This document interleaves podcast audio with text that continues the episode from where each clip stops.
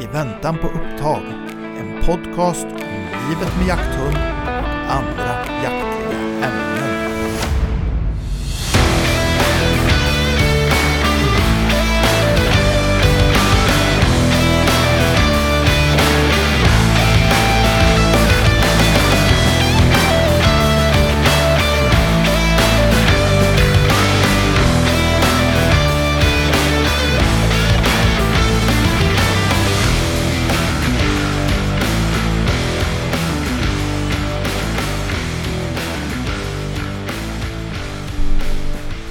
Tjena Danny.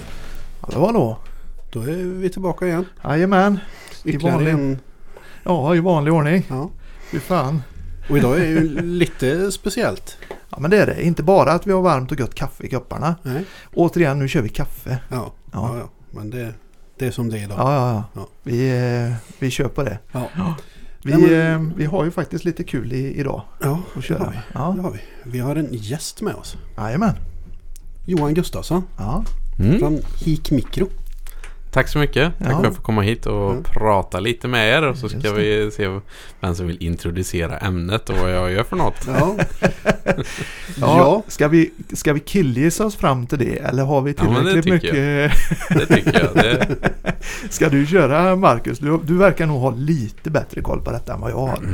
ja, det vet jag inte. Men eh, du jobbar med värmekameror. mm. Och Hik Mikro. Det är väl märket på kamerorna du, och siktena du jobbar med. Ja, precis. Så, så som sagt, Johan heter jag och jag jobbar då på ett varumärke som heter Hick Micro. Så jag jobbar ju med termisk eller värmekameraoptik som man säger så fint i branschen. Nej. Även det. digital night vision. Så det finns två olika tekniker som, som vi jobbar med. Ja. Och det är ju helt enkelt optik som används för, för jakt men också för inventering och eh, söksyften om man säger så. Om man vill se saker även när det är becksvart ute. Ja, just det. Ja. Det är lite kul. Du börjar här med en massa såna här facktermer där Ja, vi redan är precis. helt vilse i pannkakan. det tycker jag är en bra start. Ja, vi, är ju, är skönt. vi är ju ganska obildade i detta ämnet. I alla fall jag. Ja, det, jag har väl tittat i de här kikarna eh, ett par gånger. Men jag har faktiskt aldrig använt dem i, praktiskt. Nej. Men eh, det är ju jädrigt fina Ja. grejer. Det, som Precis. sagt, det, det är som du säger. Natt blir till dag. Ja. Det blir det. Så, att, så kort och gott så är det ju helt enkelt så att eh, det är en sensor. Eh, Nu, nu har jag en produkt i handen här men det ser Just ju det. givetvis Vi inte har ju faktiskt tre stycken liggande så här. här. Ehm, Ska vi, ska vi kolla? Vad, vad är detta för prylar som ligger här till att börja med? Precis, allting som ligger här är eh, värmekameror Ja. på ett eller annat sätt. Vi har en handhållen spotter som man kallar det, alltså en, en, ett verktyg som används för, för upptäckning helt enkelt. Man har Ja. den i handen, eh, går runt och tittar i den rent eh, krasst. Så tittar man på en dataskärm. Eh, och längst fram sitter det ju då en sensor och en linskombination som styr hur bra bilden blir. Och också hur dyr produkten är som du håller i handen. Ja. Ja, ja precis. Eh, om man säger så. Eh, Det är en kostsam teknik för vissa om man tycker så. Eh, Däremot så, eh, som vi säger, det är ett av de bästa sakerna sen skivat bröd som har kommit till, till jakten om man säger så. Och då är skivat bröd fan i mig riktigt bra. Ja. Det är riktigt bra. Det är riktigt bra. det. Eh, Ja. Och så som den funkar är helt enkelt att det är precis som det låter en värmekamera. Den upptäcker värmesignaturer ute i naturen. Och många tror att ja men då ser man ju liksom bara djur. Fast man ser ju även man ser ju träd och man ser stenar och man ser buskar och man ser. Ja, och saken med det är att de jobbar inte med synligt ljus. Det ska man tänka på. Vad menar du med det? Synligt ljus? De jobbar eh, synligt ljus, alltså det vi, vi ser med våra ögon. Ja, okej, okej. Just det, just det. Utan den jobbar inte med det. Utan den Nej. jobbar med strålning. Aha. Tänk, eh, vi pratar inte radioaktiv strålning här. Nej. Vi pratar Nej, inte någon farlig. Oh, Jag backar bak. Vi pratar Ja. IR-strålning, infraröd Ja, strålning. just det, just det. Och då sitter en fiffig sensor då som helt enkelt plockar upp informationen som finns ute i naturen. Mm. Eh, bland annat djur och sådana här saker. Men det som är intressant med det, det är att man får sådana långa avstånd man kan titta på. Ja, just det. Så de vi har här på bordet framför oss. Eh, eh, den största här ligger ju på 2600 meter i detektionsavstånd. Menar- Över 2,5 kilometer alltså. Precis. Fan. Det betyder inte att du ser vad som är där. Men den har Nej. den teoretiska möjligheten att plocka upp en värmesignatur. Ja, just det. Just det. Ja, just det. Värmesignaturen. Ja. Du ser att någonting Precis. är där. Så att säga. För Ja, det är liksom ledordet man ska ha med sig när man pratar med- om värmekameror. Det är att den jobbar inte med synligt ljus. Just det. Så ju, ju egentligen svartare det blir desto bättre fungerar den. Ja, desto skarpare kontraster du har i värmesignaturerna. Jaha. Alltså eh, är Ja, det just det. kallt ute Mm. och en gobbe kommer att gå på en väg. Mm. Då ser du ju den Precis. supertydligt. Mm. Och är det 30 grader solsken ute och gobben kommer att gå på samma väg. Mm. Så kommer du fortfarande se honom för att han är Mm. teoretiskt sett 37 grader. Ja, just Mm. det. Precis. Just det. Eh, och de här upptäcker ju värmeskillnaden ner till alltså tusendels grader mellan Ja, pixlarna. Oh, Ja. fan. Eh, så att eh, mm, de, De är rätt exakta med andra ord. är rätt exakta. Ja, du ser inte vilken temperatur det är för då Nej. får man gå på industrisidan om man vill till exempel ha en sån där handhållen grej Ja, ja, som, precis. För att leta värmeläckage och sådana här Mm. saker. Du kan använda dem till samma sak men du får inte temperaturangivelserna. Nej, just det. Precis. Men får du skiktningarna i det så att om du ser någonting som är riktigt varmt. Mm. Uppträder det väldigt så här, säg, rött då? Eller är Det, det, kan liksom... du, det finns olika palettval då. Ja, okej. Så det kan du skifta i? Precis, så du trycker på en knapp och så byter du om du vill ha svartvitt eller vitt svart eller ja, rött fan, eller, fan. eller ett sånt här färgglatt läge. ja, just det. Ja, just det. Mm, Eh, Om man är lagd så. Jaha. ja, ja, visst. Ja. Ja, vad spännande. Precis, så att, eh, och den eh, sista jag har här det är en helt ny produkt som vi släppte nu som heter Hikmikro Habrock. Det som den här har det är att den, den, eh, den har liksom allting utom inbyggd kaffebryggare. Okej. Okej. Det var dåligt. Det var dåligt, ja precis. precis. Vi jobbar på det. Vi jobbar på det. Ja. För den har ju den termiska sidan. Ja, På den ena det är alltså en handkikar Ja. värmekamera. Ser ut som en handkikare mer eller mindre. Ja. Eh, samma storlek om man tänker sig som en vanlig 1042. Alltså man Mm. har en vanlig handkikare. Mm. ena sidan har vi då en, ter- en termisk, alltså värmekamerasida. Och på den andra sidan så har vi en digital night vision. Är, det, Okej. är det... Jag ska förklara. ja. Du, ser, du ser på oss att vi sitter som frågetecken. Precis. Digital night vision är då om vi säger de, eh, en klassisk nattkikare. Ja, okej. ni, ni vet den här gråskaliga bilden Mm, som man har japp. sett någonstans. Det Den som kallas för IR, IR-kikare, precis. Eh, Ja, Kärt okej. barn har många namn. Ja, Eh, då är jag med. På dagen får man fullfärgsbild, alltså som färg. Ja. Och på natten får man ju svartvitt. Mm. Så att här har du då möjligheten att växla. För det som är, vad ska man säga, nackdelen med värmekamerasidan. Det är att du inte får en verklighetsbild. Ah, så den här kan du då, om jag har fattat det rätt, använda som en vanlig handkikare egentligen? Ja. Och en Ja, värmekikare? precis. Och så trycker du bara på en knapp för att byta mellan lägena. Ah, okej. Sen har den också en liten inbyggd IR-lampa eftersom Digital Night Vision jobbar inom det synliga ljusspektrat. Mm. Och finns det inget ljus att förstärka så ser den ju inget. Nej. Så då finns det en liten IR-lampa och så under sitter en laseravståndsmätare också. Fan. Som sagt, Så allting. det, det, det där är Allt utan kaffebryggare ja. Jajamän. och Det är ganska pyrsägarens dröm verkligen. Är Ja, det inte så? Den är, den är ganska stöddig faktiskt. Ja, det låter ju så. Är Vågar man fråga vad, vad en sån... Ja, alltså nu, Kostar? nu pratar vi värmekameror och vi har, ju Ja. inte, vi har ju inte touchat någonting på prisbilder här Nej, eller nej, någonting nej, överhuvudtaget. Så att, så att om, om lyssnaren står upp så borde lyssnaren sätta sig ner. Ja, ja. Eh, Det, det är så pass i alla fall. nej, den här eh, ligger på ett eh, rekommenderat utpris på ungefär 44 000 kronor. Ja, men det var ju ingenting. Ja men det... Och väljer man en lite mindre sensor, det här är den Mm. stora sensorn, så landar Mm. den på 10 000 mindre. Mm. Ja, just det. Så Men samtidigt är det ju lite så här, visst, det ser man ju i jägarkåren generellt att okej, vi har det ganska gott ställt på många sätt i detta landet och vi lägger faktiskt en hel del pengar på vårt intresse. Och det är klart, Ja. tittar jag då på, på min prägel som hundförare, Mm. jag lägger ju enorma pengar på, på den delen. mm, titta på hundkåpan. Ja men Ja. exakt, hundkåpan, alla pejlsystem man har, alla kläder till både mig själv och hund och Mm. foder och bla bla bla. Det Mm. går pengar. Men Mm. det är klart, är man pyrschägare, Mm. du har en bra kikare, du har ett bra välskjutet vapen Mm. och sen så har du bra kläder egentligen. Jag menar det är klart att även om den kostar mycket pengar så, så ja, man lägger kanske de bitarna ändå när man är väldigt inbiten kan jag Ja, och sen, men sen är ju en stor del av det är också möjligheten, alltså, alltså vår egen nyfikenhet som man har Mm. när man är ute. För att med de här utrustningar som finns idag.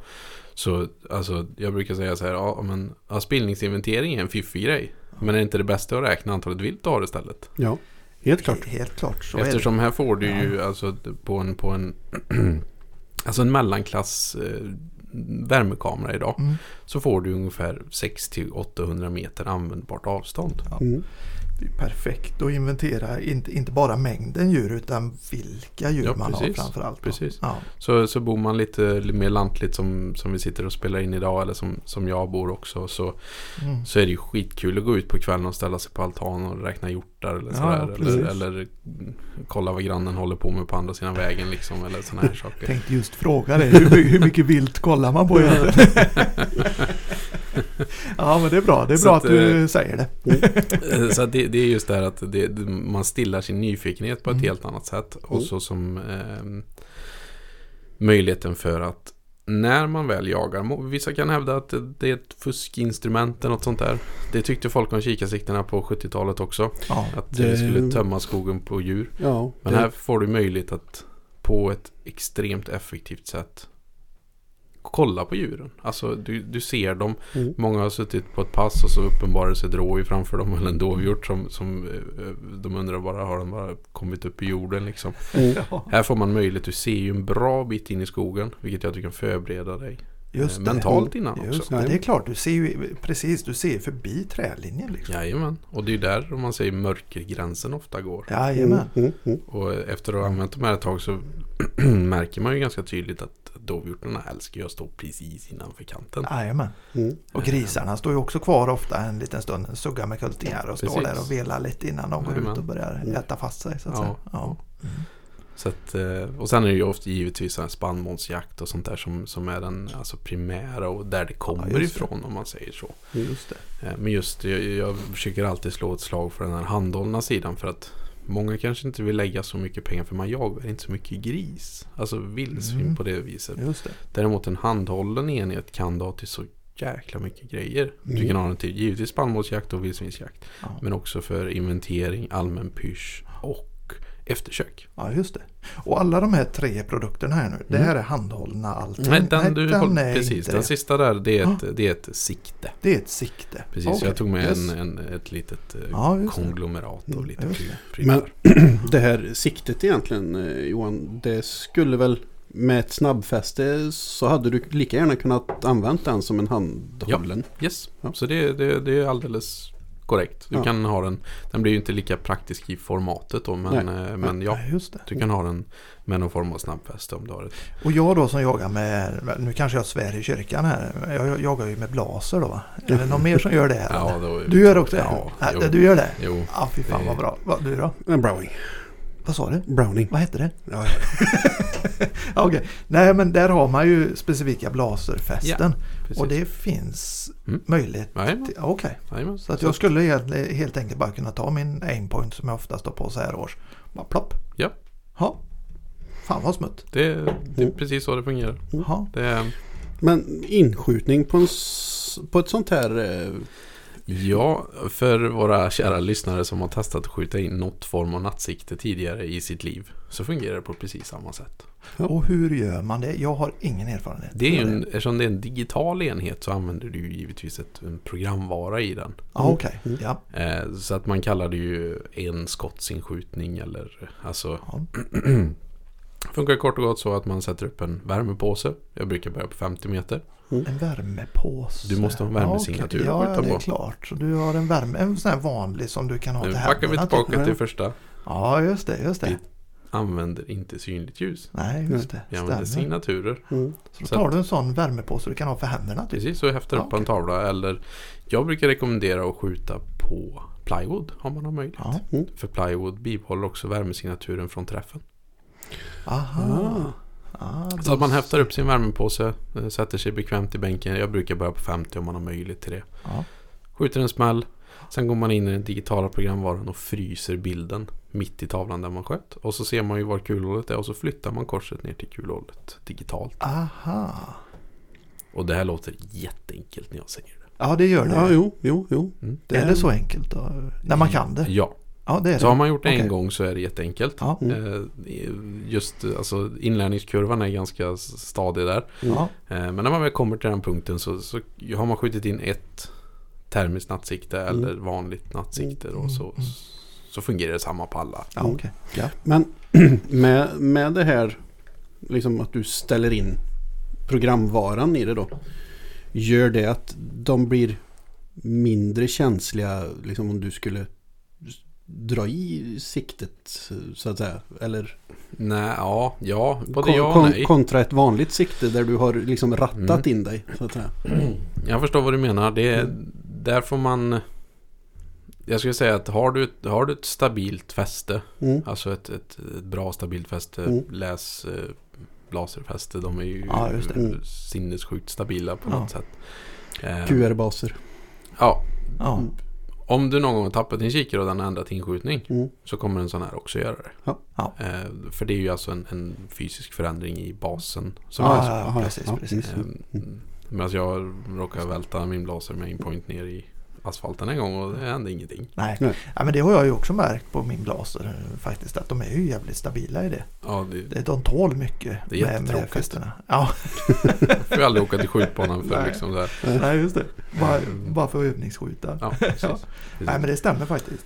Men då har du den eh, samma princip kan man säga med de här eh, prylarna. Ja. Det, det gäller att liksom eh, vara Yes. lite vaksam ändå. Ja, den, Mm. den sista grejen jag inte har med här på bordet är då en clip-on-enhet. Mm. Mm. Som du sätter framför ditt nuvarande kikarsikte. Ja just det, det har man ju hört talas om. Precis, Just det, det har ni också då. det har vi också. Och det, vi har kort och gott alla produkter man kan Mm. tänka Ja. sig just nu.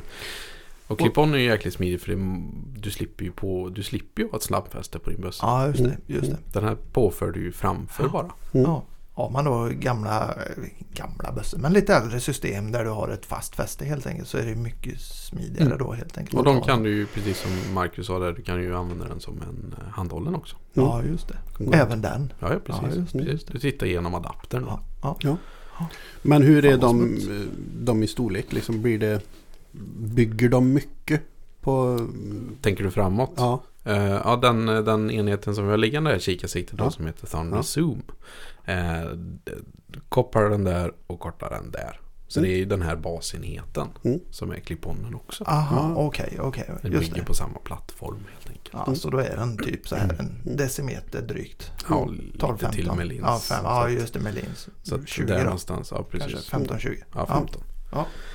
15. Just det, men det blir ju inga jätteprylar ändå liksom. Nej, den, det enda gången jag stött på patrull det är väl egentligen om man har en speciellt en blaser. Mm. Eftersom pipan och fästet sitter ihop. Mm. Eh, in, inte, inte höjden. Nej, okej. Utan avståndet till ljuddämparen så har du en väldigt kort pipa, säg 45-46 cm Plus en väldigt bakåtbyggande ljuddämpare, typ en Stalon Ja. XC110 Mm. något sånt där. Där du får väldigt lite avstånd mellan Mm. kikarsiktet och ljuddämparen. Mm. Då kan det ställa Då till kan det ställa till. Ja. Det är ju så, de är ju, nu vet inte jag, du har ju jobbat med även de prylarna, men det, är- de är ju, de har ju inte låda på samma sätt så de blir ju kortare en decimeter kanske. ja, eller något precis. Sånt där. Ja, Och det är klart, det gör ju skillnad. ja. Ja. Eh, Så det är väl enda gången egentligen jag har stött på patrull. Mm, mm, mm. Men Just det. Ja, ja. det om man vill ha det väldigt kort och väldigt tyst. ja. Mm. ja. Och det gillar jag. Det har jag. jo, men så är det. Ja, men Ja. vad spännande. Men om man skulle säga så här då Johan. Mm. Om du fick välja en utav de här grejerna som du känner att det här måste man ha. Vad, vad skulle du köra på då? Jag säger en handhållen. En handhållen? Ja, i alla dagar i veckan. Alltså, mm, det går ganska bra att skjuta med lampa för det mesta. Mm. Eh, Ska man ha en pryl så tycker jag man, man tittar på en handhållen. Mm. Ja, precis. Mm. Eh, Precis. Just, Vad- just, för, just för mängden, alltså varianten du kan ha den till. Mm. Sen är det klart att en clip-on gör ju båda varianterna. Mm. Men den blir också större och lite tyngre. Mm. Mm, just det. Jag gillar det fickvänliga formatet och det nämnde jag inte ens men den här som vi, jag håller i handen nu som heter Hick Micro Condor. Den senaste spotten som vi släppte. Ja, just det. Har ju också laseravståndsmätare. Jag tänkte ju säga det, det är avståndsmätare på den Ja. också. Ja men det är ju bra för Ja. att då har man ju lite koll om man är ute och, och rekar eller Ja. aktivt jagar. Mm, ja men då vet du att du har 120 meter till den där, Mm. Mm. vad det nu kan vara. Mm. Precis. Ja, och jag tänker liksom alla de här grejerna är du inte helt känd med marken så måste ju det vara en jädra liksom, fördel för dig. Som, Det är det. är. Och för de som, de som använder den till exempel till lite eftersök, speciellt Mm. nattetid på lite okända marker. Mm. Trafikeftersök och Mm. den här typen av bit. Nu betalar ju tyvärr inte Polismyndigheten de här produkterna. Eh, men man, många köper sina egna grejer. Mm. Det. Det är ju det att du kan spana ut över ett stort fält väldigt fort och se om det ligger något vilt där ute. Mm. Men också i någon situation där du behöver avliva någonting. Mm. Så ser du vad som finns bakom. Mm. Just Och nu det. pratar vi inte ser vad som finns på 20 meter bakom. Du ser Nej. vad som finns flera kilometer bakom. Just det. Mm. det För vi en- pratade ju detektionsavstånd eller upptäckningsavstånd Mm. och sådana här saker. Det är ju på en mänsklig signatur. Mm. 1,7 meter hög. Ja, just det. Just Pratar det. vi en laggård, Ja, ja, ja. ett hus. Ser du ju långt. Precis. Ja, just det. Så då kan du till exempel spana ut över fält, speciellt på slätterna som vi har här då. Mm. Så kan du på ett eh, jäkligt tydligt sätt att se Mm. om det finns någonting bakom. Där har vi en väldigt viktig aspekt eh, på många sätt. ja. Precis. Mm. Alltså eh, inte bara det här att man blir effektiv i sin jakt utan du har ju en helt annan säkerhetsaspekt. Mm. För det vet ju alla som har jagat lite i mörker, eh, till Mm. exempel spannmålsjakt på, Mm. på sommaren. Mm. Eh, när mörkret kommer så ja, Då, då gäller det att veta vart man är. Ja, så är det ju. Precis. Men du nämnde eftersök där Johan. Mm. Eh, Jag tänker som ett jaktligt eftersök där du har blod Mm. med inne i. Hur, hur bra är de Mm. till att upptäcka blod? Där är en, jag ska säga att det är en fråga om tidsaspekt och hur duktig du är på att använda din spotter. Ja. För att alla olika material avger ju olika typer av värmesignaturer även om det har svalnat av. Mm. Ja, just det. Eftersom det är ett annat material. Och blod är ju ett annat material än till exempel löv och sådana här saker. Ja. Men det kan vara väldigt svårt att upptäcka. Men när du är snabbt på platsen så ser du väldigt tydligt. Mm. Och samma, du ser till och med klövavtryck och sånt om, om du är väldigt, om, om du skjuter på och plockar upp den direkt liksom. Mm. Mm. Ja. Ehm, men du kan se blod. Man kan se blod. Ja. Mm. Jag, jag säger varken ja eller nej, Nej, utan det nej. är så, det är så specifikt beroende Det på. Har du en, en, ehm, liksom en, en sommardag, Mm. eh, ja då är det jättesvårt. Ja, Mm. torrt och varmt. liksom. Torrt och varmt Mm, liksom. mm, mm. Eh, Det är lite hundperspektivet. Ja, jo, men exakt. Alltså, jag skulle säga det, de är inte så pass bra som de kan ersätta en, efter, en eftersökshund i alla fall. Utan, Eh, det, nej, de kommer aldrig ersätta en eftersökshund. Däremot så på gott och ont kan de ersätta en dödshöghund. Ja, ja, just Jajamän. det. Ja, ja, men det kan det ju. Mm. Eh, För alla vet ju det där rådjuret som dyker in under granarna Mm. Ja, Mm. i sista andetaget och bara försvinner.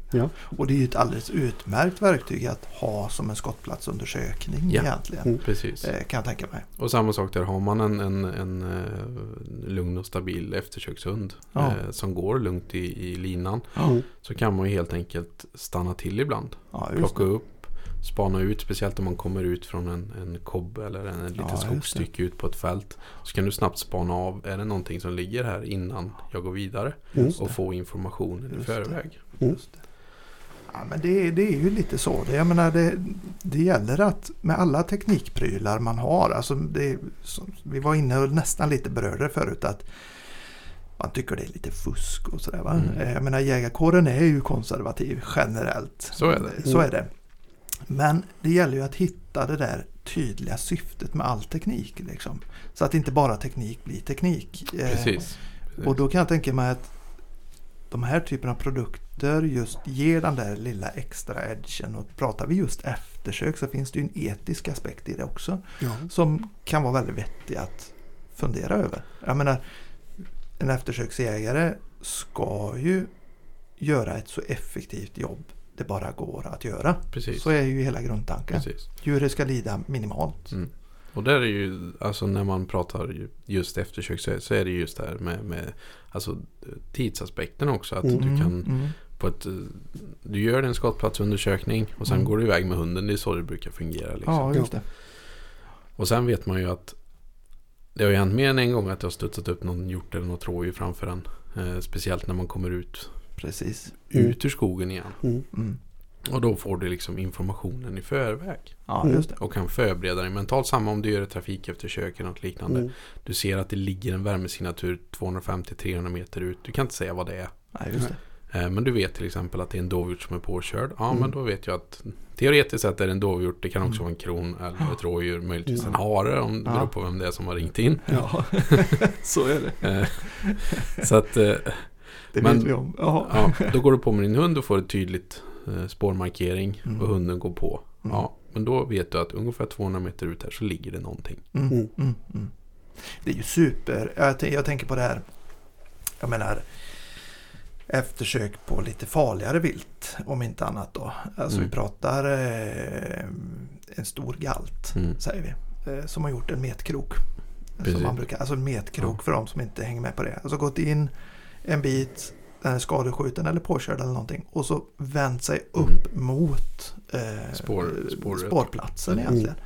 Ehm, det kan ju bli potentiellt sett en väldigt farlig situation. Det är klart, kan du spotta av det Mm. då på ett eller annat sätt. Att du kan få ett, en tidigt hum om att okej, det ligger någonting där inne. Kan det vara den här galten då som har gjort sig en metkrok? Tyvärr sitter ju inte spotten fast på huvudet. Nej, precis. Så du får ju inte löpande information. Nej. Men, men jag Men man kan kika av lite kanske Ja. om man har tur att den har gått in, vad vet jag, 40 meter. Ja. Och gjort en liten krok Helt och lagt sig och tryckt. Mm. Det kan ju bli en jättefarlig situation. Mm.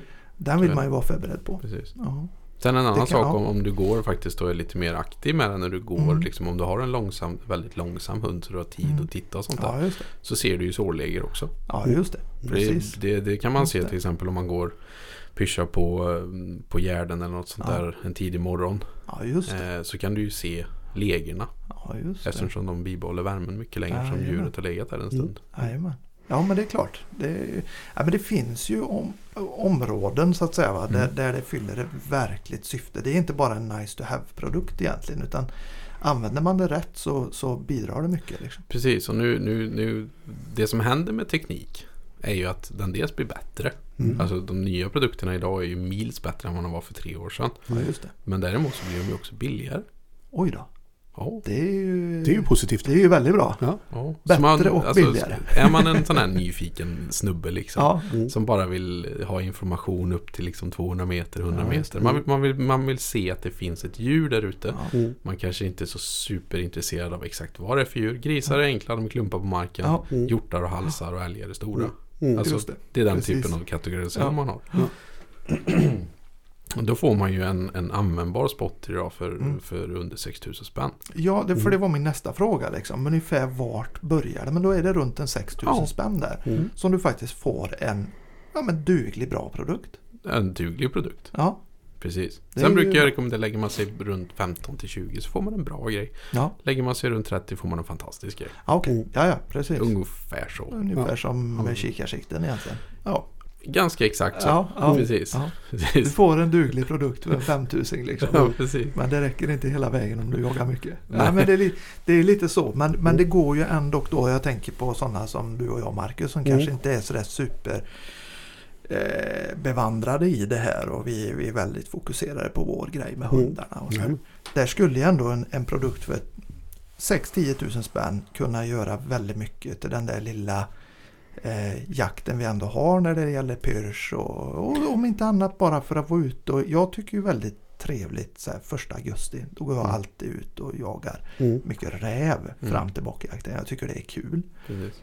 Och då passar jag ju alltid på att kolla vad har vi för djur på Mm. marken. Mm. Ja. Där är ju en sån här produkt helt lysande egentligen. Ja, Mm. Det är som jag sa i början, alltså, Mm. så de här grejerna de stillar ens nyfikenhet Ja, på, ett, på, ett, eh, på ett helt nytt sätt. För Mm. att när ljuset försvinner så försvinner också möjligheten att Mm. upp, alltså, se saker Ja, helt visst. enkelt. Och även när man är ute i när, när gryningen har kommit. Istället för att smyga ut allt vad man kan på det där hygget och eventuellt stöta den där bocken som man vill ha koll på. Så kan man i, i teorin stå en bra bit längre bort och faktiskt upptäcka den. Ja. Och, och smyga in på ett annat sätt Mm. kanske då. Pratar vi jaktbara avstånd med de sakerna vi har på bordet här, då, Mm. alltså jaktbara avstånd är alltså upp till 300 meter. Mm, Då får mm, man ju mm. fantastisk bildkvalitet. Ja, Mm. det är ju väldigt bra. Då, då, är ju, då är den stora frågan liksom. En, en sån här spotter. Den får du använda i jakt Mm. på allt. Yes, det får du. Eh, Så Naturvårdsverket okej, gjorde ju en, en uppdatering, en, en, liten, en liten notis om det för, ja vad kan det vara, något år sedan. Det, det är bara de- här fastmonterade kikarsikterna som är för Ska man- vildsvin. Precis, ska man, ska man hårdra det så får du ju enligt då Naturvårdsverket inte använda ett kikarsikte som en, en, en spotter på. Ah, okej, just. Eh, utan då är det rena handhållna produkter som går som inom handkikarklassen då. Man säger så. Just det. Eh, så det är Naturvårdsverket som, som, som Ja. uppdaterade helt enkelt. Och sa, eftersom det började bli mycket driv kring de här Ja, produkterna. mm. Så Mm. sa de helt enkelt att en, en handhållen får du använda till Mm. all form av jakt. Spännande. Och Mm. hur är det med eh, fastmonterade då? Det, det är ju vildsvin såklart. Va? Ja. Korrekt. Är det något mer där? Det Eh, speciell... räv eller? Nej, Nej, utan och det inte är- grävling och sånt heller. Nej. Eh, utan det är dåvilt i skyddsjaktändamål. Tänkte just säga det, det Eh, kanske infaller där då. Precis, Ja. så att jag tror området som vi sitter i nu möjligtvis faller in inom det området. Ja, vi har ju haft lite skyddsjakt här. Mm. Och nu sen första augusti nu då, eh, tror jag det var, så uppdaterar ju de också föreskrifterna. Ja. Så är det tillåtet att jaga dovhjort dygnet runt så är det också tillåtet att använda mörkerutrustning. Ja, okej. Ja, men det är ju Ja. också bra ju, för då, då fyller det ändå ett tydligt syfte i ett skyddsjaktsperspektiv då. Precis, Ja. precis. Det är ju bra, Och för där- det, det vet vi ju själva att komma åt dovhjortarna i skyddsjakt utan den här typen av hjälpmedel är inte alltid så himla lätt. För de kommer oftast ut precis i Precis. skymningsläget. precis. Eh, Lampa var ju tillåtet förut då. Det var det kanske. Ja, ja Rörlig belysning som det heter så fint. Ja. Eh, men nu har de uppdaterat och gjort det lite, lite smartare och framförallt alltså, som jag tycker är då säkrare. Ja, absolut. Det är det. Eh, eftersom det är nattetid. Mm. Eh, Och, ja, Ja. och tittar man ut här där, där jag bor så det är ett klassiskt bondelandskap. Eh, och här är det lite fältplättar mellan husen. Mm. Det rör sig väldigt mycket vilt på de här Mm. fälten. Mm. Mycket dovhjort då framförallt. Eh, ska man ut och jaga här då gäller det ta med 17 och veta vart man skjuter. Ehm, och det, det. känner man ju till om man bor här. Men jag Mm. menar, är man lite ny och hjälper till kanske. Då är ju en sån här spotter helt lysande. precis. Och det rör sig lite folk på vägarna och Mm. sådär i skogen och allt möjligt. Mm. Så att ja, nej, det är Mm. intressant och, Ja, Och just det här liksom detekteringsavståndet blir ju faktiskt i den eh, bemärkelsen ganska väsentligt. För Ja. du ser ett hus på ett väldigt, väldigt långt håll. Och Mm. ja, jag menar, en kula går långt. Det Ja. gör den. ja. Det gör den. Och som du sa förut då, en laggård sa du, den ser man Mm. på långt håll säger du. Eh, Ja, till och med kanske så långt så att man känner att kulan om man skjuter den eh, rakt ut så hinner den dippa på rätt bra. ja där har du ju ytterligare en, en fördel med den här säkerhetsaspekten. Det är det att du har faktiskt informationen. Och Mm. det är någonting, det. någonting, någon liten mental spärr som sitter inne i en. Mm. Även om det huset är, alltså laseravståndsmätaren går till 1000 meter och Mm. du liksom får ingen signatur på den. Eh, Det, det är liksom, du tror att det är det dubbla. Mm. Alltså runt det. 2-2,5 kilometer bort Mm. dit. Så finns det ändå en mental spärr inom dig som Absolut. säger Nej, jag vill inte skjuta åt det här hållet. Nej. Så är det. Jag, jag, vänt, det. jag väntar 40 meter tills den har liksom passerat förbi den här. Jajamän. Mm. Nej, men det Ehm. ligger ju så inpräntat i en Mm. som jägare att du skjuter inte mot bebyggelse. Nej, Mm. Oavsett. Liksom. Det är inga kulfång. Nej, det är inga Nej. kulfång. Nej. Eh, Och det är nästan lite, eh, om jag ska vara helt ärlig, om jag sitter på ett fält någonstans uppe i torn Mm. i augusti Mm. Och så kommer det in en bock på 50 meter. Jag har svinbra vinkel ner mot backen. Mm. Och det är mjukt och fint och inga konstigheter. Så är det ändå en lada en och en halv kilometer bort. Mm. Det är äckligt att skjuta åt det Mm. hållet. Ja, man jag väntar väntar alltså. Ja, Tills det har kommit ut lite så. Ja. Så att det ligger ju i en. Men då kan man ju, ja precis, då får man ju den ja, informationen som du säger. Det är Precis. väldigt Och det är mycket det, det, det, handlar det, om. det är det vi pratar om i Mm. grund och botten. Informationshantering. Mm. Just det, Ehm, precis. Ja, men det, och all information som man tar in, jag menar som jägare, när du bedömer din situation, när du sitter där och tittar ut eh, skottriktningar och allting sånt där.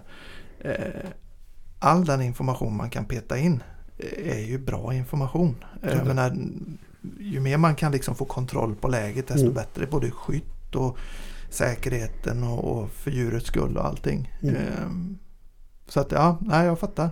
Fattar syftet. ja, vad kul. Ja. Vad kul. Det är liksom det som är lite Ja. meningen. För, Ja. för det är väldigt, det är väldigt svårt att, vad ska man säga, vidarefordra någon form av bildupplevelse Ja, ja. i, de här grejerna över, över, över Och- mikrofon. Och ska man vara helt ärlig, jag har ju tänkt så lite grann som inte är så insatt i det. att, Nej men det där är för de som är ute på nätterna och jagar. Liksom. Bara de. Mm. Eh, Sitter Mm. och pangar gris eh, åt bönderna tre gånger i veckan. Ja. Eh, Men det behöver det ju inte vara då. Utan det Ja. kan ju vara lite mer för gemene man som ändå är intresserad. Mm. ja, precis. Och sen, sen är det ju liksom sådär, visst, de här grejerna kostar pengar. Eh, Men ska man se som idag, liksom jaktlag som har mycket Vilt. Ja, vilt och användning för en sån Ja, här. just det. De, man skulle ju faktiskt kunna gå ihop ett gäng och, och köpa en tillsammans. ja. För det, då, då pratar vi ju helt andra summor per. Ja, per person. men är du 10-15 man då i ett lag och Mm. så pratar vi den här eh, kikaren här som du nämnde med eh, handkikaren nästan. Vad heter Mm. den? Habrock heter Habrock heter den. Ja. Eh, 45 000, 44 Ja, räck. där Ja, någonstans Mm. där. Så det är ju 4 000 spänn ish per gubbe. Mm. Och då kan man ha den eh, utifrån ett väldigt tydligt eh, syfte när man håller på och inventerar och, Mm. och kanske Mm. jagar och, Mm. och sådär. Va? precis. Och jag Det menar klart. 4000 spänn, det, Ja. det är ju en, det är en helt annan prislapp än 45. Ja, absolut. Och så har man den i laget. Så kan man Ja. också göra. Ja. Ja. Vanligtvis eh, när man har sådana så, så brukar det vara att det är tre, fyra gubbar som går ihop och Ja. köper ett sikte till exempel då. Ja, så man, eh, eftersom har man samma typ av vapensystem Mm. eh, eller samma typ av fästen så kan man ju använda olika inskjutningsprofiler. Aha, Du, så du, har ja, sånt också i... Ja, d- precis, så ett, ett termiskt kikarsikte idag från, från oss har ju teoretiskt sett ungefär 25 olika inskjutningsprofiler. Åh fan. Eh, men Så det är som på stolen på en modern bil. Du trycker på ettan och så ställer den in sig i, i ditt förarläge. korrekt. Fan vilken liknelse. Ja, det var ingen dålig. nej, det, det finns dålig. kvar lite Ja, här uppe gubben. Så det, Så, att, så det finns ju möjlighet också då. Så Ja. du och jag som till exempel har en blaser då. Ja, just det. Eh, Så länge våra piper är någorlunda mm, samma i fästena. Så, så kan vi... Du, jag använder A-profilen, du använder B-profilen. ja, ja, ja. Fy fan vad käckt alltså. Eh, Och då, då krävs ingen inskjutning mellan bytena utan du, de är så pass eh, stabila de här profilerna så Ja. att... Precis. Ja, ja det, det, det är ju det är ju pixlar vi pratar. Ja, just det. Så eh, Precis. pixel 103 till vänster och 120 neråt är ju samma oavsett om... ja. Och ett sånt fäste från Blaser till exempel då, men även andra fabrikat. Precis, De är, ju, ja, de är ju så jävla fasta och skottfasta och allt vad det nu heter. Så att det, det händer ju ingenting när man håller på och växlar Nej. kikarsikte. Nej. Det är ju, jag har aldrig upplevt det i alla fall Nej. på min. Så, att, eh, så, så där mm. finns ju en ytterligare dimension av det om man tittar på kikarsiktesidan. Mm, mm, mm. Käckt. Så. Det är ju väldigt vad smart egentligen. Ja, det är jag känner otroligt. potentiella kunder bara liksom Ja. bubblar upp i Ja, det här menar det. nu. Fy Det- fasen det- alltså. Det, Frågan är hur vi ska ta ut royalties på detta. Sen, det, är ju, det är ju frågan. Vi får klura på den. Ja. Ja. men eh, om man ska säga så Johan, var, var får man tag på de här produkterna? Ja, vi, vi har ju en mängd återförsäljare runt om i landet. Mm. Eh, bland annat så jobbar vi med Jaktiga och Interjaktkedjorna och även eh, Jaguargruppen. Ja. Och sen lite enskilda återförsäljare lite Ja, överallt ja, i Sverige. ja. Så, att, så vi finns eh, rikstäckande Mm. eh, mer eller mindre. Och det är väl bra att lägga in detta nu att det här är inget samarbets eh, detta. Nej, jag, jag fick en inbjudan här för att komma och prata kompisar. lite. Ja. Precis, sitta här och, och prata lite just om, om, om de här typen av saker. Det är ju så. Ehm, och det är klart att jag förespråkar ett varumärke. Ja, ja. Ja. Eh, Ja. det, det, är- det är inget snack om det. Men däremot så, så, så vill jag också informera om alltså, möjligheterna Mm. med de här typen av produkter. Oavsett varumärke. Ja. Ja men så är det ju. Och, och du sitter ju här för att vi känner dig eh, Ja. sen innan. Ja. Och eh, tycker det är kul att surra någonting annat som inte vi kan. Mm. Helt enkelt du och jag Marcus. Vi, Nej. Nu tar, får jag väl tala för mig själv. Du kanske är superpåläst på detta men jag tror inte det va? Nej, Nej, nej, nej. nej. så Det, jag som menar sagt, det, det, det jag kan av det här det, det är det Johan har berättat Ja, ja. för mig tidigare. Så det, Ja. Så det är ju på den nivån. Men, men det är ju otroligt intressant att höra för Mm. att eh, det kommer ju mer och mer detta. Man ser ju det överallt. Att, Mm. eh, att eh, fler och fler skaffar den här typen av produkter. Mm. Och just att förstå ändamålet och vad man kan göra. Det är, det är otroligt intressant. Mm. Det, det är ju verkligen teknik som tillför någonting om man... eh, om man om använder man, det rätt. Ja, precis. Jajamän, Precis. stämmer. Precis. Ja, spännande. Ja, nej men det är gött då. Då har vi lite grann eh, eh, gått igenom de prylarna och vill ni veta mer om Hick Micro så är det ju egentligen bara att eh, Googla. googla upp och, Ja. och ta kontakt. Ja, liksom. precis. Så kommer det, kommer det ut en check, eh, check upp och prata lite. precis. Ja, spännande. Ja. Men du, Johan. Mm. Eh, jag vet ju att du har ju någonting kul i, bak i bilen också. ja, precis. Som eh, inte är en värmekikare. Ja, så på det ämnet nu så, så registrerade min bil eh, stöldskyddsvarningsalarmet. Jag såg att du var fepplad där. Ja, det var... en- eh, Jag hör inget tjutande här inne i alla fall. Nej, nej. Eh, Utan det var nog min kära Forstervalp som sitter i bilen som, som förmodligen hade någon form av litet bryt. Vill, vill du gå ut och kika det, eller? Vi kan Nej. pausa. Nej. Nej, Han- det funkar. Ja, du jag hojtar tror- till. Ja. Om, ni, om ni hör ett stöldskyddslarm Ja. eller så kan ni ju säga Då kan till. vi säga till.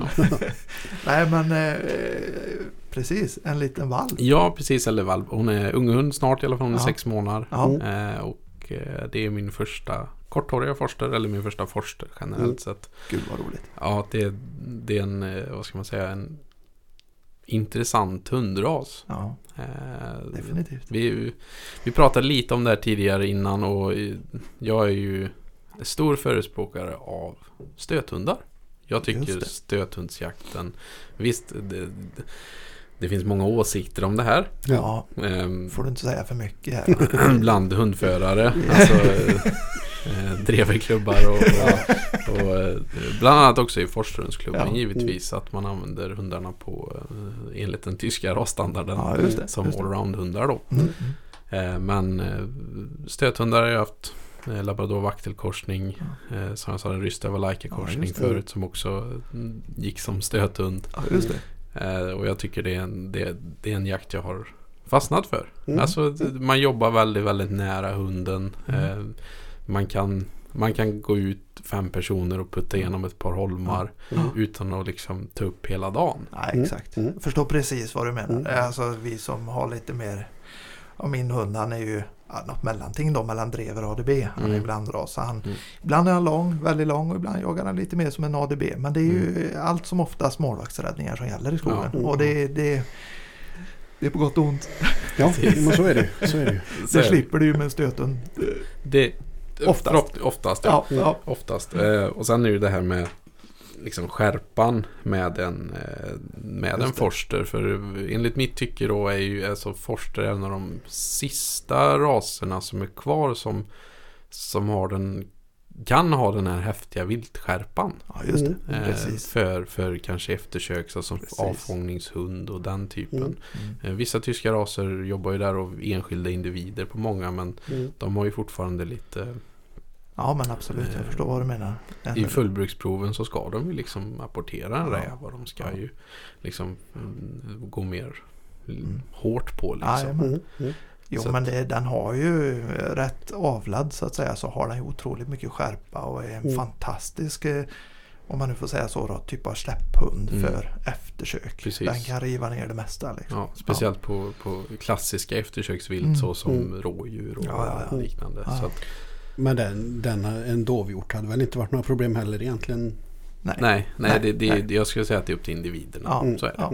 så är det. Men, eh, och sen är det ju också möjligheten då att få en... eh, Jag kunde inte hålla mig. Vill du ha lite Johan? jag kan ta lite. Ja, eh, och sen givetvis när man köper en hund så hittar man ett, ett instrument som finns på internet som heter Google. Mm. Och sen så söker man mycket på sin hund som man har beställt eller köpt i det här fallet. Då. Och så, för tanken var stöthundsjakt. Eh, primärt på Eh, klöv då. på klöv, ja. Ja. Precis. Eh, men nu har jag omvärderat min tanke Ja. sen, sen jag köpte henne eller skaffade henne. Eh, och är jättesugen på det här med stående fågelhundsjakt. Mm. Just det. Faktiskt. Eh, på, på, på ripa eller på fasan eller något liknande. Ja, just det. hållet. Rapphöns. rapphöns. Mm. Precis, så att möjligheten att kunna liksom testa något nytt Ja, inom både hundföreriet eller om man säger Mm. den typen, Mm. alltså hundförarjakten. Eh, men också en helt ny jaktform som jag inte har varit kontakt med på, på så stort sätt innan. Nej. Och sen är det väl nu detta en lekmannamässig tanke.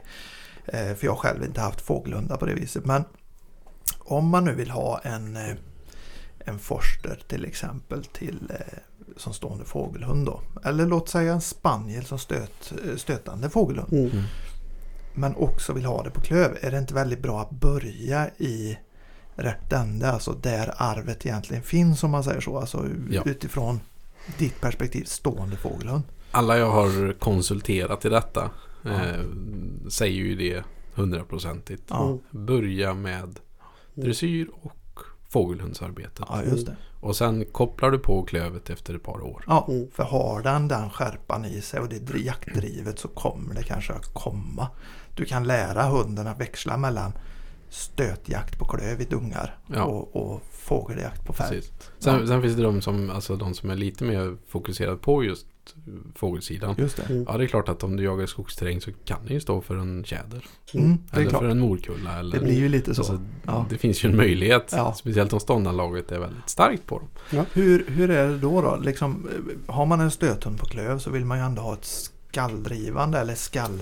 Ja, Precis. Man säger ju skalldrivande Precis. egentligen stöt då. Och där är ju liksom eh, eh, de flesta driver med skall. Ja. Eh, sen finns det ju givetvis individer som inte gör det. Ja. Det är precis som på labradorer. Ja. Eller, Mm. Det kanske till och med finns avelslinjer där du har tydligare liksom skalldrivande linjer och, ja, och icke kanske. hon kommer ju från en sån då. Ja, hon gör det. Mm. Ja. Eh, Kul. gör det. Så, att, eh, så den är mer fokuserad på Ja. just stöthundsjakt. Ja, just det. Mm. Fasen vad, vad roligt. Mm. Ja. Vad har, har vi? Alltså nu, nu sitter vi i Västra Götaland. Mm. Har vi mycket sån jakt här? Jag, jag är väldigt, väldigt dåligt insatt i stöthundsjakt, alltså på klöv. För jag, jag har ju själv matats med drever och långsamt drivande och sådär i mitt jaktliv. Jag ska Men- säga att det, det förekommer. Ja, Mm. Det, det gör det givetvis. Ja. Om man säger så. Men eh, det är ju inte alls lika, lika utpräglat som, som söderut i landet. Nej, just det. Givetvis. ja Eh, precis. det- Skåne kanske, Sörmland Ja. och Östergötland kanske till Ja. viss del. Och, Sen är det klart att, att större viltförvaltningar och sådana här saker Ja. som, som de använder ju mycket stöthundar ja, också. ja, ja. Så är det ju. Det är väl egentligen samma den stående fågelhundsbiten där. Det är ju inte heller... eh, Så utpräglat här. Nej. Nej. Nej. Så du Nej, menar att det. jag, jag får köra lugnt för jaga i vilket fall? Nej men jag tänker så här lite grann för det är klart att det finns eh, Jag menar vi bor ju som sagt inte allt för långt ifrån Slätta som man säger. Nej, precis. Eh, Det är mycket fält. Ja. Jag Tyvärr är menar- det inte så mycket fältfågel. Utan Nej det är klart det är det, det, inte. tyvärr har vi ju samma typ av nästan biotop som vi Ja. på många ställen Mm, som mm. de har neråt Skåne. Ja. Men här har vi inte alls det. I många- Naturliga beståndet kanske? Nej, och inte heller någon direkt uppfödning eller Nej, något sånt där nej. som, som liksom just på den här sidan av någon anledning. Nej, nej. Däremot så finns det mycket hare som man kan jaga. Ja, ja precis. Men kommer man då över lite plätt med mark. Eh, låt säga så här att du har, du har en bonde med mycket eh, åkermark eh, som du lär känna och så hjälper du den bonden med lite, du tar med dina hickmikro och inventerar och hjälper till med både Mm. skyddsjakt och annat. Eh, och sen kan du använda din hund som stående fågelhund. Då kan du kanske med lätthet kunna få börja eh, köra lite uppfödning på fasaner och allt annat också egentligen. I och med att det inte är så utbrett så borde det finnas möjligheter i dessa trakter menar jag. Ja, det, det finns Så ju kan man ju säga. för det mesta gott om plats. Ja, jag menar det. Eh, Mm. Just fasanuppfödning och sånt, det är ju någonting jag höll på med i mina yngre dagar. Ja, okej. okej. Ja, En liten sväng. Spännande. Eh, sådär och eh, det, det är mycket jobb. Ja, det är det. Det kan jag tänka mig. Det, det är extremt mycket jobb skulle jag säga. Ja, Alltså det är det. Ja. jag, jag har gamla kompisar som också har hållit på med fasaner och rapphöns. och Ja, det, just det. Det är det är mycket. mycket jobb. Ja. Det, det är inte bara själva uppfödningen utan det är ju även hålla undan predatorer och Ja, just det. Precis. Just det. precis. bygga voljerer och Ja. det ska ut på... Ja, Ja. just det. Det, det är väldigt mycket jobb. Ja, ja, men det är ju samma princip som, jag vet inte, ja. folk, folk håller på med hästsport. Ja, ja, ja. Jo, men ja, så är det är det. Så är klart. det. Det, det drar iväg. Ja, Nej men det, så är det väl och det är väl egentligen så med allt som har med jakten att göra att eh, mer eller mindre så är det mycket jobb. Ja, Mm. Eh, om man vill få till en, en bra förvaltning och bra jaktmark. Mm. precis. Eh, så enkelt precis. är det. det krävs ett brinnande intresse. Ja men så är det. säga. Så är det. Eh, Men just ja, det här är med, med, med, med stöthundar då så är det ju det att man får Du får möjligheten att jaga på så många olika sätt på ett, Mm. på ett, eh, på ett enkelt sätt tycker jag. Ja, just det. Alltså Precis. eh, att, att man kan gå ut några stycken och det är klart att det är något av det roligaste som finns det är att vara tre kompisar med varsin drilling och en tax. Ja, ja, det, Alltså är, det är ju, det det är är ju fantastiskt Ja, roligt. Och, Tax vet det fan men alltså, ja, ta, det är ett stående skämt Ja, bland ja, oss. ja, så är kanon. ja, jag håller med. Okej, eh, hundar med korta ben. Som inte kategoriseras som sällskapshundar. Just det, just det, just det. Var väl politiskt nog då kanske. Mycket bra sagt. Mycket Ja. bra sagt. Ja, Så att eh, det är ju, är ju superroligt och kul. Ja. Mm. Eh, Men, men det tar ju en dag. ja, Mm. och det är klart att du har ju en annan aspekt på det. Jag tänker som eh, hundägare och hundförare. Har du en drivande hund så kan du inte göra så. Alltså, det är klart du kan prägla, gå spår och göra allt möjligt. Men injagningen av hund sker under mer eller mindre praktisk jakt. Mm. Eh, en, en fågelhund kan du ju träna på ett annat sätt. Mm. Du behöver inte vara ute i skogen och så att säga äh, men du har mer möjligheter att liksom få, få den här jakthunds eller jaktträningen på en sån hund även utanför jaktsammanhang så att säga. För det handlar mycket om dressyr, det handlar mycket om Mm. liksom, skotträningen och allt det här. Liksom. Eh, Så du får ju väldigt mycket möjligheter att träna med din hund på, Ja. på ett jaktligt sätt. Då. Det var som jag berättade om där nu. Jag var nere med henne i Skåne här i helgen. Ja, just det. Eh, och eftersom det var en, en rough shoot då, om man Mm. säger där man går med spaniels och sånt. Så En walk-up. en, precis. Eh, och då fick hon ju inte vara lös. Nej, just det. Utan hon gick i koppel hela dagen. Och den enda anledningen till det, det var ju som du säger skotträning. Ja. Och lugn i flog. Ja, Alltså det hoppade ju upp Precis. fasaner och hoppade upp eh, harar och sånt framför fötterna på oss. ja, Och allt sitta och titta på dem. ja, Eh, mycket märkligt eh, in, för mig som hundägare då. För alltså, det det, man, det man tänker direkt är att jag vill släppa min hund för här finns det vilt. Mm. Mm. Eh, men att de får gå bredvid och sitta och titta på fasaner som flyger över eller som blir skjutna då. Ja. Eh, och kanske kunna göra något litet avslut. Men 96% eller 98% hela dagen så gick hon i koppel. Ja. Mm. ja, men det är ju... Jag, jag ska vara helt ärlig och säga det att jag är ju själv lite sugen på, har varit länge, på en typ av fågelhund. Mm.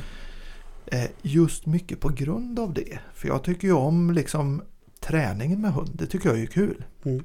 Och har du då en drivande ras så blir du, jag ska inte säga att man blir begränsad, man kan träna med en sån hur mycket som helst men i jaktliga sammanhang så blir du lite mer begränsad. Det sker under liksom den korta säsong av jaktsäsong vi har. Men en, en fågelhund av ta en som ska apportera också. Jag menar i vatten till exempel. Du kan ju gå vilken tid på året som helst så länge det inte är Mm. is på sjön. Och träna apportering. Mm. Så jag menar den delen är ju väldigt lockande kan jag känna. Mm. Med den typen av hund då. Det är det. Man får ju ut mycket av sitt hundägarskap. det, det. Mm. Sen tycker jag alltså efter att ha upplevt Forstern eh, personligen, om man säger, är ju en, en extremt tillgiven ras. Trevlig Mm. hund liksom. Jättetrevlig. Mm. Däremot så, så är de ju inte Guds smartaste skapelse. Eh, Nej men det passar oss. ja, det precis, men de perfekt. är alltså, jag ska säga, de är den perfekta soffpotatisen. Mm. De har verkligen en on-off-knapp som är, som är extrem. Och det är väldigt viktigt anser jag själv faktiskt i, i mitt hundägarskap att en hund ska kunna ha en on-off-knapp. Ja, Jag tycker det är väldigt behagligt. precis. Mm. Just kontrasterna på, på Forstern tycker jag är väldigt eh, stadiga. Om Ja, man just säger det. så. Just de det. är, eh, När det är jakt eller någon typ av aktivitet då är det fullt påslag liksom. Ja, Och hemma då tar den lugnt. precis. Eh, och, ja, hon har, hon har settlat in, eller ska man säga. Hon Mm. har, hon har Mm. stabiliserat sig Mm. extremt mycket. Och är, Mm. Det är bra. Hon är ju fortfarande så ung. Liksom. Ja, ja, Men precis. det finns den där eh, tydliga on-off ändå. Mm. Det finns det definitivt. Ja, det är bra. definitivt. Det är bra. Eh, Så det, det, det är roligt. Det är mycket, Ja. mycket hund för pengar. Ja. Mycket hund för pengar. My- Mycket söndertuggat hemma också. Nej. Nej, det, vi, ja, vi, vi var snabba. Nu var det ju många år sedan, sedan vi hade valp senast. Ja. Mm. Mm. Eh, Men vi har klarat oss peppa och peppa rätt så bra ifrån. skönt. För att hon eh, Barnens gosedjur är ju populära. ja, så är det ju. Så är det, ju. Det är det är annars något man hör också från den här typen av hundar. Att det kan vara rätt mycket... de, är, de är de, är, de, är, de har ju mycket motor. Ja, de, de behöver mycket stimulans. Ja, de behöver mycket precis. motion. Mm. och eh, den måste du stimulera för att det inte precis. ska slå ut. eh, Nej. Det men där är ju en stor fördel, precis som vi pratade om det här Ja. med motionssidan. ja, just det. Att eh, får du in inkallning och kontaktträningen eh, på ett tidigt stadium Mm. så kan hon ju gå lös. Ja. Mm. Hon, eh, jag slänger på henne pejlen hemma Ja. och så kan vi vara ute i trädgården och grejer. Hon går aldrig mer än 150 meter bort generellt sett. Nej. Det är ju väldigt bra för det vet man ju själv som har en drivande hund då. Som absolut inte kan gå lös. Mm. Eh, Jag har inte lyckats med det i alla fall. Nej. Jag får ju motionera han på ett sånt sätt så att eh, det är ju svårt att motionera han trött Mm. eh, för mig. Eftersom jag måste ju hänga på i detta. Mm. Mm. Och 43-åriga gubbar vet, det, Ja, ja, det kräver sitt. Mm. Men däremot en hund du kan ha lös och en fågelhund av typ. Du kan ju gå bort till en sjö och träna apportering hur länge som helst tills den Mm. kroknar. Liksom. Mm. Många använder ju just forsterraserna, eh, både strävhåriga och korthåriga till draghundar. På Draghundar, ja, just det. eh, det här när man använder cyklar till exempel. Just att de det. drar dig framåt. Ja. Mm. Eftersom de har fågelhund så är de ju skapligt lättlärda. Ja. Mm. Så då lär du dem kommandon vänster, höger och stopp och sådana här Åh saker. fan. Det finns mycket på YouTube. Det är en fantastiskt kul. Jag har inte testat det än. Sen Mm. har jag en före detta kollega som eh, använder det mycket med skidor också. Ja. Mm. Mm. Eh, längdskidor då. Mm, och så drar just det. hunden. Det är också en sport. En draghundssport då. Fan vad roligt. Eh, för att då får de verkligen ta ut motionen om man säger så. Ja. Ett, Det är ju inte riktigt som när jag kör min eh, sparkcykel med, med Saco på, på försommaren eller något sånt där. Va? Jag har en anekdot var tur folk inte såg mig. Apropå det här med höger och vänster. Mm. Jag var uppe på en grusväg här i bygden och körde. Och han drar ju också då. Mm. När han liksom sådär. Men springer han på en färsk löpa. Mm. Ja då sticker han ju på den. ja, Och du vet man står ju där och, och slänger den här jävla sparkcykeln åt höger och vänster och hit och dit när han springer. Alltså det ser ju för jävligt ut. Så jag menar det, det är inte riktigt samma sak. nej. Där hade man ju önskat att man hade lite där stopp. ja precis. Eh, nu springer vi inte, inte jagar. Nej, ja. precis. Och stoppkommandot är det ju viktigaste i hela forsterkulturen. Det är det Mm. ja. Det är det. För att när det, alltså, precis, när det en- flyger upp så ska den stanna. Liksom. Ja, stanna Ja. eller sitta eller Ja. ligga. Eller det Ja. beror lite på vilken, vilken eh, läggning man har Ja, på det där. det. Men Mm. det viktigaste är att hunden stannar. Ja. Att den inte följer efter. Ja, just det. Nej, för det, det kan ju bli rent farligt för. Det mm, finns en hel del exempel på att hundar har Ja. strukit med på det. Mm. Så Ja, det är att så. eh, Ja. stoppkommandot är det, är det viktigaste. Mm. Ja. Jo men det har man ju förstått. Kör man stående så är ju just det att den, den ska direkt ner på backen och sitta i princip. Precis. Där eh, fågeln flyger upp då. Mm. Ja. Precis. just det. Så det var träningsmålet den här det. helgen. Ja, ja. Eh, var det faktiskt att, att Mm. Ja. lugn i flog. Att, att Ja, det det. händer mycket runt omkring. Det är samma som yngre labradorer som är med på fåg- eller fågeljakter Ja. och sådana här saker. Att de är skottfasta ja precis. och har möjlighet att ha tråkigt. Ja, man det. sitter och tittar Precis. Mm. eh, på, på vilt som faller eller vilt som flyger och sådana här saker Mm. utan att... Det där som man brukar säga ibland eh, knallapportör. Precis. Ja just det. Precis. Att de springer på knallen istället för kommandot. Ja. Ja, ja just det. Ehm, Just det. Så att... mm, Spännande. Mm. Ja. Fasiken. Nu är jag verkligen ingen expert. Utan Nej, nej, man, nej. Man Det är inte vi liksom, heller. Det, det är det som är så roligt att man får möjlighet att testa på en, en ny form av jakt. Mm. Mm. Som man, Mm. och en ny form av, av hundägande på något sätt. Precis. Alltså, även om, som du säger, drevra eller dri- kortdrivare, långdrivande Mm. hundar är superkul att jaga Ja, med. Mm. Det är kul. Men all jakt, vi pratade ju om det en annan gång du och jag Marcus. Mm. Att alla eh, välfun- alltså det är roligt att jaga oavsett. Liksom. Mm. En välfungerande hund som gör det den ska, det är kul. Mm. Även om man inte är nörd på just den typen av jakt. Jag menar, som jag då, jag jagar inte mycket fågel och sådär. Eh, en hel del svartfågel och sådär, va? det gör jag. Men det här fältfågeln då, Mm. fältvilt. Mm. Men de gånger jag har jagat med en pointer, det är förbannat skoj alltså. Mm. Det, det är många, Eh. det, det jag tycker många hundägare, eller om man säger många, eh, ja, många hundägare Mm. glömmer, det är att på, på varje champion finns det ju 99 halvdanna. Ja, jo, men så är det. Så är Och det. Det behöver man inte skämmas över. Nej, Nej. Utan precis. många säger också att man får en hund man förtjänar och det, Ja. det är väl sant i sak. Ja. Men jag tycker också att eh, efter något år eller två med hunden så brukar man zona in lite på vad, Ja. vad ens hund klarar av. Ja, just det. Och vara lite ärlig med det med sig själv i alla fall. Helt riktigt. Vi, Det- vi har pratat mycket om det där. Eh, att, att du är inne och berör det där lite grann. Att, eh, vi nämnde ju det här att uttrycket som att livet är för kort för en dålig jakthund. Mm. Nämnde vi ju i en podd. Ja, Eh, ja. och eh, hur man kanske inte alltid kan behöver hålla med om det. För att som du säger, du behöver inte ha den där superjaktchampion för att ha kul. Nej. Du kan jaga jävligt mycket ändå och ha väldigt Mm. skoj med en hund. Även om inte det är världens bästa jakthund. Nej. Fungerar den dugligt till jakt så, så lär man sig jaga på det viset. Så med sin hund. Liksom. Och det, det är väl egentligen så man, tycker jag man ska se det. Ja. Allt blir så mycket roligare om inte annat. Ja, ja, ja. Jo, men så är det ju. Än att du ska gå och Mm. irritera dig över att du inte tycker hunden Nej men precis. Fungerar, Fungerar utan- optimalt. optimalt. Liksom. Utan det, det är liksom, man får ju anpassa sig efter Ja, hunden i det, Ja, i det läget och så eh, köra på. Liksom. Ja, ha kul, det- ha kul med sin hund. Liksom.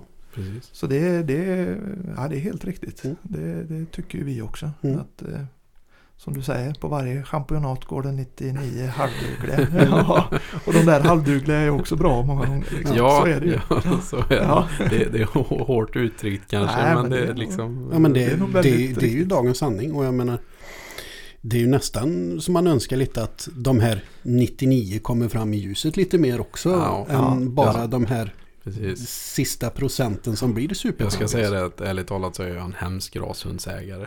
eh, jag går aldrig prov eh, Nej. generellt sett. Jag gjorde det med min eh, bajrare för många år sedan. Ja, Det gjorde jag ja. ju. Men han var för liten så han kunde inte ställas ut. Nej, nej. Så att det då liksom Sen tappade jag det lite. Sen, Mm. sen uppskattar jag ju verkligen de som, som gör utställningar Mm, och liksom mm, gör alla mm. prov för, att få, för att få liksom de här eh, certifikaten på sin hund. Liksom. Ja. Jag, jag förstår att det är en process och många tycker det är kul. Mm. Eh, jag tycker det är kul att ringa ett par polare och Ja. ut och släppa Mm. hund och Mm. jaga.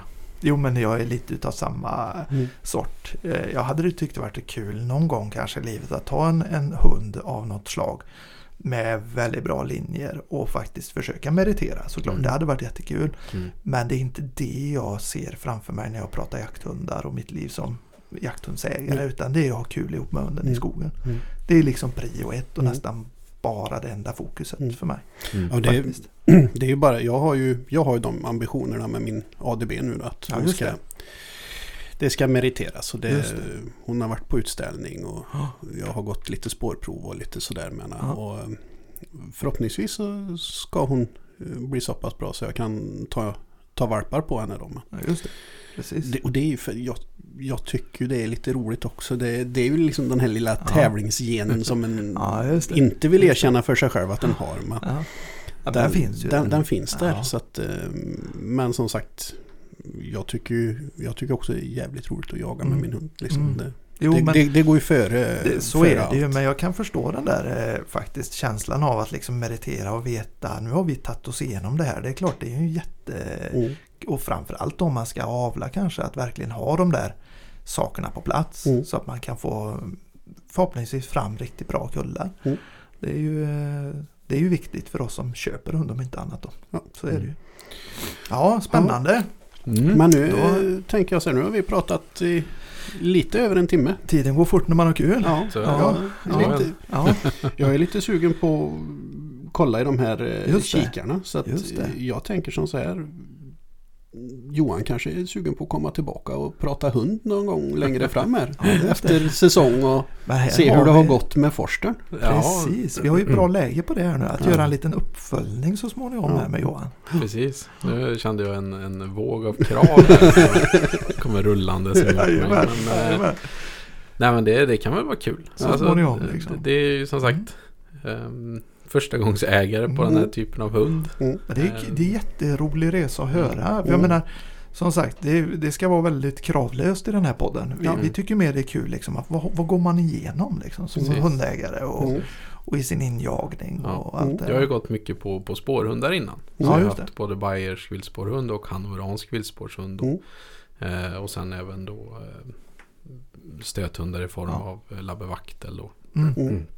Och den senaste Rystava korsningen Ja. som Som Som blev en stöt. Som blev en stöten. Ja. Eh, av någon konstig anledning. Han, eh, Ja. som jag sa, han tyckte grisar var läskiga och älgar var tråkiga. Så att, eh, Ja. eh, men men han, var, han var väldigt bra på sitt sätt. Men det är skitroligt att man får en sån korsblandning där. Mm. Som Var dessutom har uppe i helt- Jämtland och hämtade honom. Dessutom. Mm. Jag menar det, det är en blandning som skulle ha allt annat än stöt i sig. Korrekt. Och ändå så blev det en Ja. kanonbra hund Han, han var det. ganska vek i psyket sådär Ja. liksom. Mm. Eh, Han, han ville inte jaga så långt ifrån mig. Och Nej. som sagt i många andra kretsar så kanske inte hade han fått vara kvar då. Nej, Nej. precis, Eh, precis. Men eh, för min jakt så, pass, så liksom formades det runt det.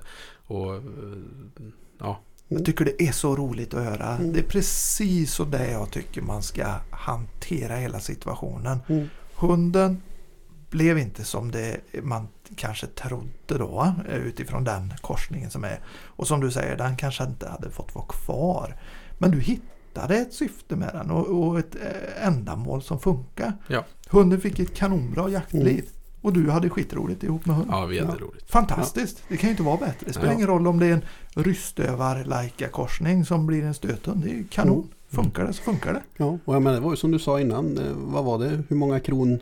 Ja, det är, det är många kronskjutna på den. Många, Ja, ja. så att eh, han... eh, Men eh, sen var det en annan, alltså en rolig grej. Det var det här att om man till exempel gick på en jakt som man inte var så känd på så där, Mm, blev inbjuden liksom Mm. som en förare. Man var ju inte högst upp i in, i inringningslistan var man ju inte Nej. direkt. Nej. Men eh, ibland i slutet på säsongen så var det ju må- kanske skador på hundar och sånt. Så Mm. blev man liksom inbjuden. Mm.